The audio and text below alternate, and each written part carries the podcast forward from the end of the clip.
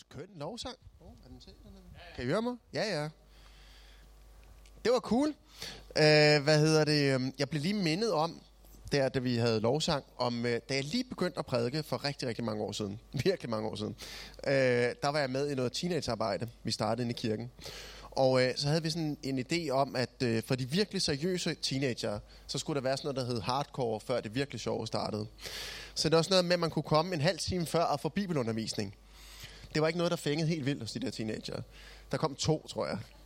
Øh, men jeg var lige begyndt at prædike, og ham, der var præst i kirken, han tænkte, det var en god mulighed for mig at lære at prædike, så Carsten, du skal prædike for de der teenager. Og jeg var nykristen og virkelig passioneret, og forberedte mig virkelig grundigt.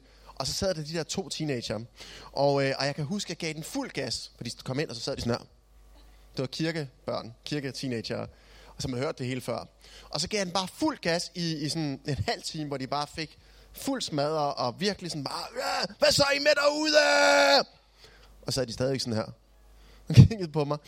Øhm, og så kan jeg huske, at jeg begyndte at blive sådan lidt ærgerlig. Jeg begyndte begynde at tænke, ej, er det det værre? Er der noget ved det? Og så kan jeg huske, at Gud han virkelig sådan talte til mit hjerte. Og det han lagde på mit hjerte, det var bare en enorm kærlighed til de her teenager. Og øh, jeg kan huske, at han virkelig sådan lærte mig det her med at værdsætte et enkelt menneske. Og øh, jeg synes, I skal vide det også i forhold til lovsangeren, at nogle gange kan det godt være det her med, at man øver, og så skal man ned og spille, og så tænker man, ej, er det kun for dem her, vi spiller? Øh, og der har jeg bare lyst til at opmuntre jer, både fordi, at, øh, at Gud var enormt stærkt til stede under lovsangen, øh, men også fordi, at det her med, når man er i tjeneste for Gud, så handler det rigtig meget om at se det enkelte menneske. Og øh, nogle gange så er det enkelte menneske rigtig mange mennesker sammen, og det er jo skønt. Øh, men det ændrer ikke på det her med, at, øh, at når vi tjener Gud, hvad enten det er forkyndelse, eller i lovsang, eller hvad det nu er, så handler det altså om at se det enkelte menneske. Og det lærte jeg dengang, og det bliver jeg bare mindet om i dag. Så tak for jer, lovsanger, at I så os og, og ledte os ind i tilbedelse af Gud i dag. Det sætter jeg rigtig meget pris på. Og øh, ja, så tak for det. Jeg skal sige en, øh, en lille smule i dag om, øh, om venskaber. Glemte jeg nu at tage den der, jeg skal skifte mig op? Eller har jeg bare lagt den et eller andet sted? Ha, jeg lagde den her. Hey. En lille smule til opmundring om venskab. Og jeg skal bare læse fra øh, Apostlenes Gerninger, kapitel 9, og vers 26, hvor der står her om øh, Saul, der er ham, der bliver til Paulus senere. Da min søn var lille, så kaldte vi ham for Saul, fordi han savlede hele tiden. Øh, og så da han så læst, begyndte at, at høre om Bibelen, så tænkte han, det er mig. Men øh, der står sådan her, da Saul senere kom til Jerusalem, prøvede han at komme i forbindelse med det Jesus troende der. Men de var bange for ham. De troede ikke på, at han virkelig var en disciple. Men Barnabas tog sig af ham og førte ham til apostlene. Han forklarede dem, hvordan Saul på sin rejse havde set Herren, og hvad Herren havde sagt til ham.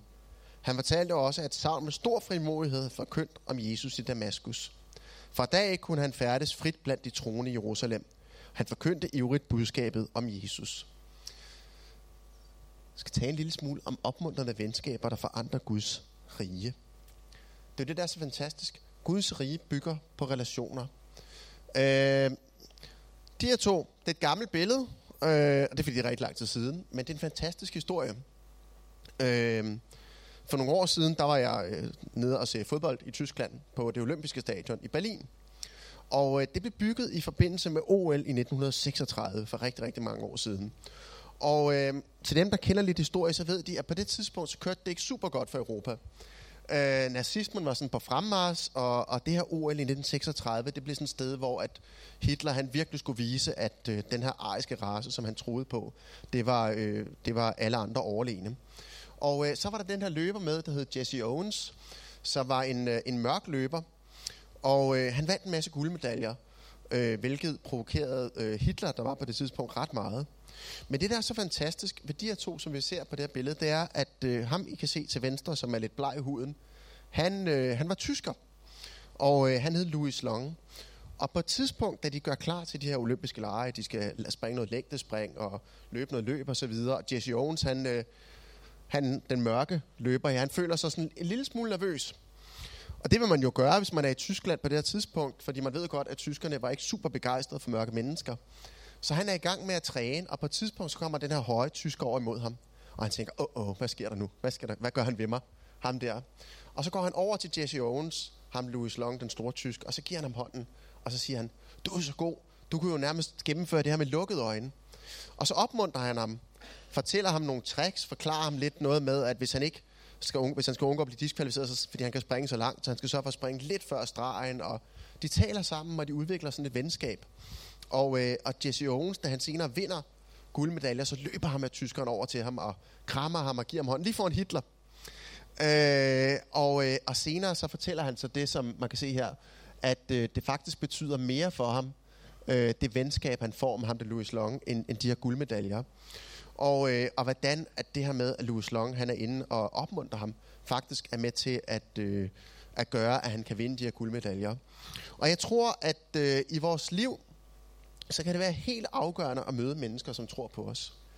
Øh, det kan være fuldstændig afgørende for vores udvikling som mennesker at møde mennesker, der tror på os. Også som kristne. Og nu fortæller jeg den her historie om at være øh, ung prædikant og prædike for de her to mennesker.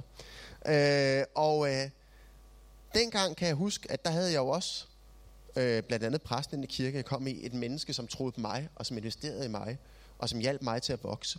Og jeg tror, det er helt afgørende. Jeg tror på, at øh, nu er vi ikke så mange i aften. Det kunne være fedt, hvis vi var super mange, men det er faktisk ikke kun det, der er afgørende. Det er også afgørende, hvordan vi bliver mange. Det er rigtig afgørende, at vi ikke bare vokser numerisk, men at vi også vokser relationelt. Og jeg tror på, at hvis vi skal det, så skal vi være et fællesskab, der bygger på det, jeg kalder opmuntrende venskaber. Altså et fællesskab, hvor at mennesker ikke bare kommer ind og er en del af et eller andet og tænker, ej, det var da fedt at være en del af det her show, men hvor de er knyttet tæt til nogen, som hjælper dem til at vokse, som hjælper dem til at vandre. Og jeg tror på, at vi alle sammen har brug for nogen, som vi opmuntrer, og nogen, som opmuntrer os.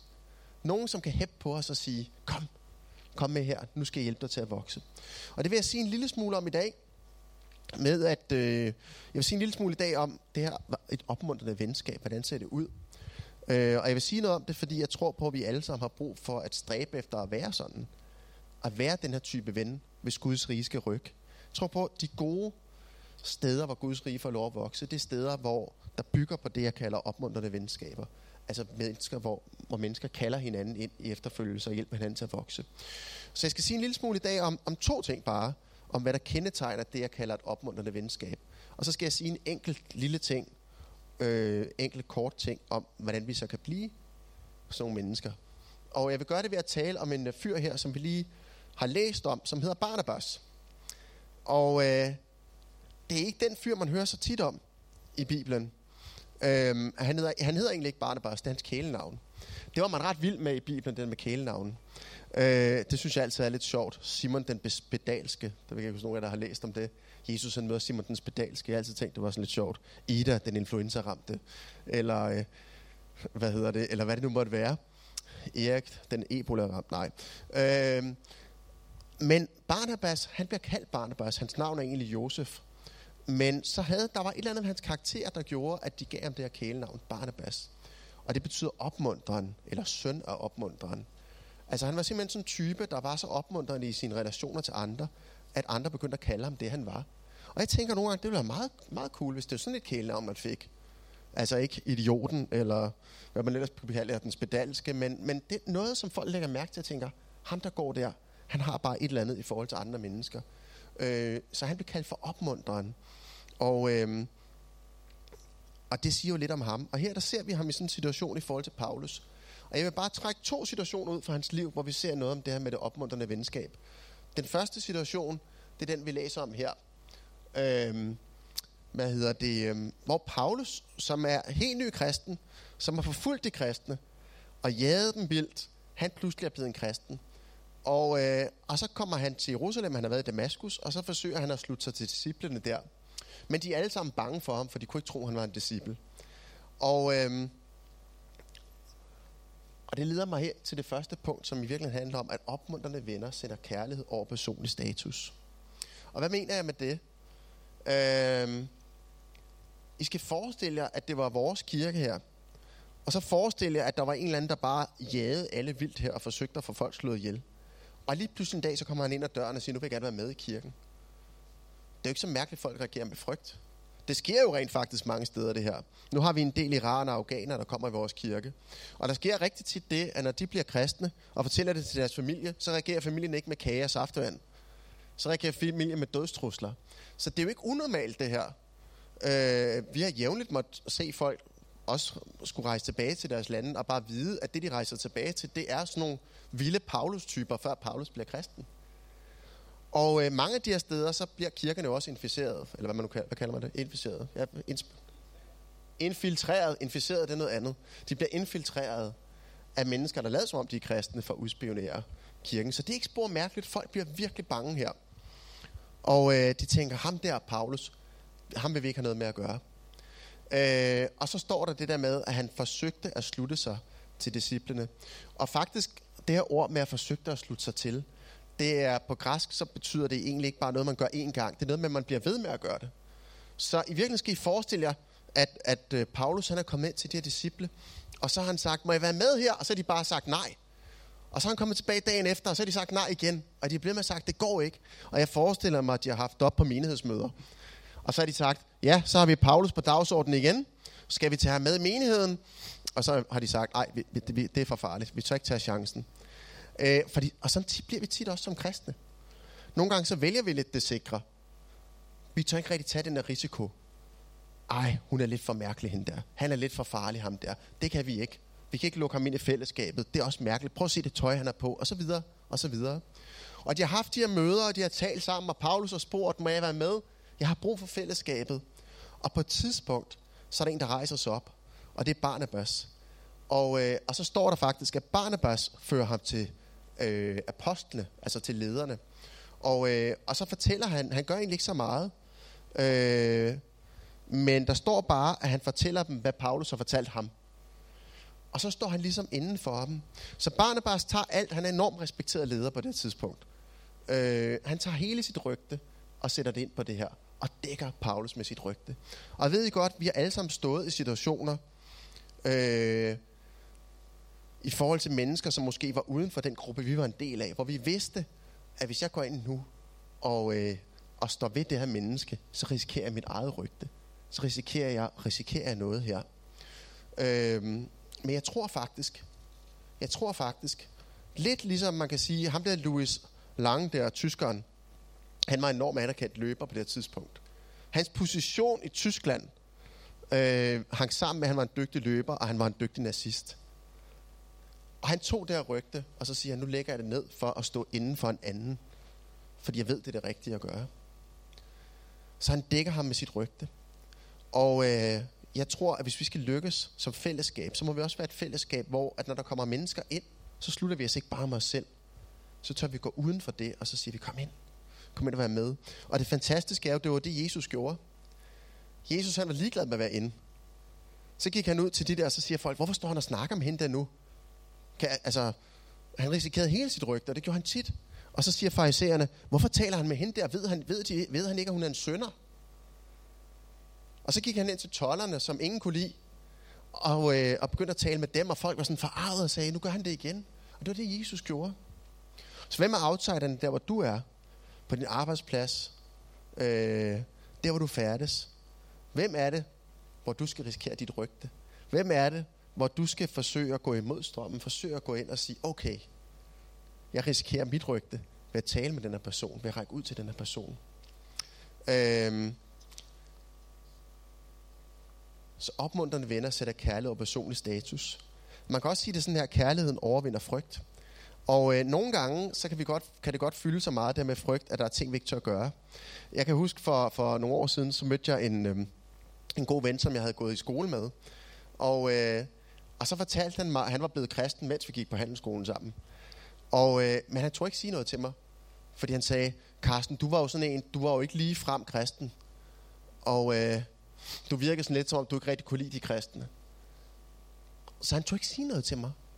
Og jeg kan bare huske, at jeg tænkte, og, og så var han også lidt nervøs for, hvad skulle vi andre tænke om ham? Fordi vi var sådan en gruppe drenge, der hang ud sammen. Og hvis han nu sagde til alle os andre, at han var blevet kristen, hvad ville vi så ikke tænke om ham? Og jeg kan bare huske, at jeg sagde til ham, du skulle da have sagt det til mig. Jeg var så søgende, jeg var så åbenhjertet. Og jeg synes, han var virkelig cool, så hvis han havde sagt det til mig, så tror jeg, jeg havde taget mod Jesus lige der. Og min pointe med det er jo i virkeligheden også det der med, øh, når jeg siger opmuntrende venner, sætter kærlighed over personlig status, så er der også nogle gange det her med opmuntrende venskab. Øh, lad kærligheden overvinde frygten. at nogle gange, så skal vi sætte vores rygte lidt på spil i de her samtaler. Og det kan godt være, at vi havde grinet af ham og sagt, og sagt til ham, så det er latterligt det der. Men måske har det alligevel rørt noget også inde i os. Det andet, jeg bare lige vil sige, det er øh, det her med, at opmuntrende venskab ser det, øh, der er, eller ser det, der kan blive, ikke det, der er. I øh, kapitel 15, så læser vi om øh, noget tid efter, og øh, så sker der noget her, hvor at øh, Paulus han taler med Barnabas, og øh, læser bare lige teksten kort, hvor der står, at de siger, lad os tage tilbage og se, hvordan det går med menighederne. Men Barnabas ønskede at tage Johannes Markus med. Øh, der gjorde Paulus indsigelser. Han mente ikke, at Markus skulle med, eftersom han var rejst tilbage, da de kom til Pamfylien, i stedet for at fortsætte i arbejde sammen med dem. De to mænd på det punkt blev så skarpe, at de besluttede at gå hver sit sted hen. Se, der sker noget her lidt senere, hvor at, øh, fordi man kan sige, at den her beretning med Paulus, den er jo egentlig meget nem. Paulus, vi ved, at Paulus var blevet kristen. Så et eller andet sted, at Barnabas risikerer noget ved at tage ham med ind, det kunne han gøre relativt risikofrit. Han var blevet kristen. Men hvad så med de mennesker, der fejler? Hvad med så de mennesker, der nogle gange begår en åbenlys fejl, som alle kan se? Og hvor man bare tænker, okay, hvis jeg skal stå inden for ham der, så ved jeg ikke, om han kvejer sig igen. Hvad med dem? Det kunne være i alle mulige eksempler. Det kunne være, øhm, hvad hedder det, øh, at man er blevet bedt om at tale, eller man har bedt en om at, at prædike, og det går bare helt galt, og man tænker, jeg tør aldrig spørge ham igen. Eller det kan være på alle mulige andre områder. Øh, det sker også her. Og det, der sker her i historien, det er jo, at øh, de skal ud og rejse igen. Og så prøver de at samle et team, og så er det, de taler sammen, Barnabas og Paulus, som er blevet gode venner. Og, øh, og så, siger, øh, så siger Barnabas, hvad med ham, det er Johannes Markus? Øh, som i øvrigt også var hans nevø, så de var i familie, så der var måske også lidt familieting der. Og så, så siger Paulus, ah nej, det går ikke. Kan du huske sidst, vi var afsted? Han smuttede bare. Han gik sin vej. Han rejste hjem. Og så står der, det er så fantastisk, jeg elsker, at Bibelen er så ærlig, så står der, at de bliver uenige, og hvis originalteksten, så står der sådan, det er virkelig stærke ord, det blev til bitter uenighed, de blev virkelig uvenner. Og så siger Barnabas her, øh, så står han indenfor, man risikerer faktisk lidt sit venskab. Han udfordrer sin bedste ven Paulus. Og det gør bare Barnabas, fordi han ser det, som kan blive, og ikke kun det, som er. Og det er jo ikke fordi, så Paulus er bare en mega nederen fyr. Øh, Paulus er også et menneske. Og øh, nogle gange i vores liv, så kan mennesker skuffe os. Mennesker, som vi investerer i. Mennesker, som vi har tillid til. Og så svigter de lige pludselig. Og så kan vi tænke, jeg vil aldrig nogensinde have noget med det menneske at gøre igen. Og der tror jeg nogle gange, at hvis vi skal være opmuntret venskaber, så skal vi nogle gange også se i det uperfekte, se det, som er potentialet, det, der kan blive, og ikke det nødvendigvis, som er lige nu. Og øh, nogle gange i vores eget liv, det ved jeg ikke, hvordan I har det, men øh, nogle gange kan vi godt have det sådan, hvis vi selv svigter. Distancen mellem, jeg er svigtet, og jeg er et svigt, den er faktisk ikke så stor. Og nogle gange kan vi på samme måde i vores liv opleve, at vi får et ansvar, eller vi som kristne bare lige, lige pludselig falder i noget, og vi tænker, Gud, kan du nogensinde bruge mig igen? Jeg elsker den her historie om øh, den her lovsangsleder, som, øh, som lidt lovsang og havde alle de her drømme om, hvad Gud skulle gøre. Og øh, på et tidspunkt, så bliver hun skilt, og øh, har det rigtig, rigtig svært med det. Føler virkelig, hun har svigtet Gud. Og, øh, og så på et tidspunkt, så får hun et opkald fra sin gamle ungdomsleder, og så siger hun bare, jeg føler bare, at jeg har fejlet nu. Hvordan skal jeg nogensinde lykkes? Og så siger han bare til hende, øh, the best is yet to come. Altså det her med, at, at Gud han tager også det her nogle gange, hvor vi har svigtet, hvor vi har fejlet. Og så gør han lidt ligesom Barnabas gør her. Så ser han det, der kan blive, og ikke bare det, der er. Og øhm, det fantastiske i den her historie, det er jo det, der kommer til at ske. Øh, for det første, så det der er fantastisk i historien, er, at uenigheden betyder, at de rejser forskellige steder hen. Så Guds ord bliver spredt to forskellige steder. Det er jo fantastisk. For det andet, så læser vi senere, at Paulus skriver om, om Markus. Øh, han er mig til stor glæde i tjenesten så, Paul, så Markus han vokser i det her. Han får lov at vokse i det her. Og øh, de bliver forvandlet. Så hvem ser du på, når du kigger rundt på mennesker? Kigger rundt på mennesker, som du måske kan se noget potentiale i. Ser du så det, de er, eller ser du det, de kan blive? Og det gælder altså ikke kun i kirken. Det gælder også i dit arbejde. Det gælder i kollegaer. Det gælder i, hvis du underviser, så gælder det i eleverne. Se det, som kan blive, og ikke det, som er. Hvordan kan vi så blive sådan? Det vil jeg sige ganske kort. Hvordan kan vi blive sådan her? Hvordan kan vi blive en opmuntrende ven? Øh, for det første har vi brug for nogen, der opmuntrende venner for os. Og øh, jeg håber, det er klart nu, at når jeg taler om opmuntring, så taler jeg ikke bare om en, der siger, hvor er det godt at se dig, eller sådan et eller andet. Jeg taler om noget mere. Jeg taler om en, der tør stå inden for os, en, der tør investere i os, en, der tør bede for os, en, der tør hæppe på os, en, der tør opmuntre os, en, der tør gøre... Det er meget mere i det, end bare lige, hey, hey. Hvordan kan vi blive det? Vi har brug for nogen, der gør det for os. Øh, jeg har været i tjeneste i 20 år nu, tror jeg. 21 år har jeg været kristen. Jeg har stadig brug for mennesker, der opmuntrer mig. Vi mødes i tjenestetime nu, og så opmuntrer vi hinanden. Vi hæpper på hinanden. Jeg har brug for mennesker, der investerer i mit liv. Mennesker, der tror på mig, når jeg fejler. Så jeg tror på det, vi har brug for. Barnabas, han øh, var selv, formentlig var han en af de der, der står i postens gerninger i starten, hvor der står 3.000 mennesker blev fået til. Han var formentlig en af dem. Så han selv startede et sted. Haft nogle mennesker, der investerede i ham. Hvem tror på dig? Har du nogen, som, øh, som hæpper på dig? Ellers så er det bare min opmundring, at du må finde en. Måske en med samme tjeneste, måske en, som gør det samme som dig, måske en helt anden. Og siger, jeg har simpelthen brug for dig som opmuntrer i mit liv. Brug for, at du investerer i mit liv. Øh, jeg tror simpelthen ikke på, at vi kan klare os uden. Og jeg har set så mange mennesker, som er kommet til kort i deres liv, og som er faldet på alle mulige måder, fordi de troede, de kunne klare sig alene. Troede, de kunne køre solo, troede, de var kommet op på et niveau, hvor de ikke længere havde brug for nogen, der investerede i dem. Så lige meget, hvordan vi vokser her i Københavns Frikirke, så håber jeg sådan, at vi alle sammen må have den længsel i mit hjerte og sige, der skal være nogen, der i mit liv kan være med til at opmuntre mig. Og det kan være meget simpelt. Det handler om bare nogle gange at mødes og dele liv, og så lade nogen få lov til at bede for en. Få lov til at tale til en. Og så er det andet, som jeg selvfølgelig også synes er, hvad hedder det, øhm, afgørende, det er selvfølgelig at tage imod opmuntreren over dem alle. Tage imod fællesskabet med Jesus. Og øh, jeg kan så godt lide, at, øh, at Jesus han var den vildeste insider. Der er nogle gange nogen, der tror, at, øh, at Gud skabte menneske, fordi han var ensom. Og øh, han tænkte, Nå, jeg har bare sådan brug for fællesskab med nogen. Ligesom når, når folk får en hund eller sådan et eller andet.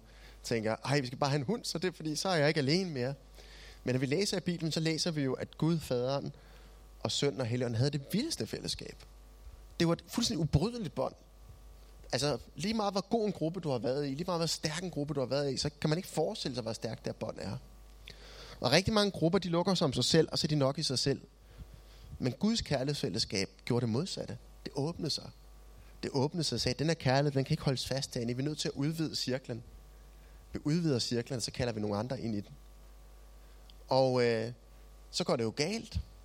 Og øh, på en eller anden måde, den her cirkel bliver brudt.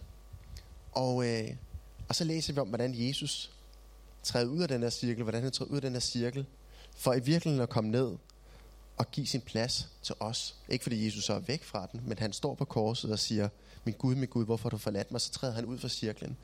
Så oplever han den fordømmelse, vi alle sammen kan have oplevet på tidspunkter, hvor vi har været udenfor hvor vi har stået uden for fællesskaber, hvor alle andre var inde. Det oplever han på korset. Og, øh, og det gør han for, at du skal få plads. Og måske så er du her i dag og tænker, jeg føler mig udenfor. Jeg føler mig udenfor. Jeg føler mig udenfor i øh, forhold til fællesskabet med Gud. Jeg føler mig udenfor i forhold til fællesskabet i kirken. Nogle gange, når vi har kvaret os på en eller anden måde, så kan vi godt føle, at alle andre står med løftede hænder. Så kan vi godt have den her følelse af, at, øh, at, øh, at Gud han kigger lige på os, og han ikke rigtig vil tage imod det. Den her følelse af, at, at øh, vi har kun sådan den der ting, vi har gjort for øje. Og jeg vil så gerne have, at du tager det her med i dag, at Gud ser det, som du kan blive, ikke det du er. Og faktisk ser han meget mere end det. Ved du godt, når Gud kigger på dig, så ser han det. Så ser han Jesus. Så ser han det, Jesus gjorde på korset. Og øh, jeg vil så gerne, at du, øh, hvis du har det sådan i dag, at det må være en opmuntring til dig, at øh, vi er ikke vores fejltagelser. Vi er ikke det fejl, vi har gjort. Og øh, Jesus han ønsker at række ud til dig i dag. Han ønsker at opmuntre dig i dag. Og øh, så måske også her til sidst reflektere over, har du en, både har du en barnebas i dit liv, men også hvem er du en barnebas for? Er der nogle mennesker, som du kan opmuntre? Er der nogle mennesker, som du kan sige, øh, jeg står inden for dig, og jeg tror på dig? Og hvis ikke du har det, så begynder at tænke, Gud, hvem, hvem skal jeg se? Hvem skal jeg opmuntre? Hvem skal jeg løfte op? Hvem skal jeg hjælpe frem?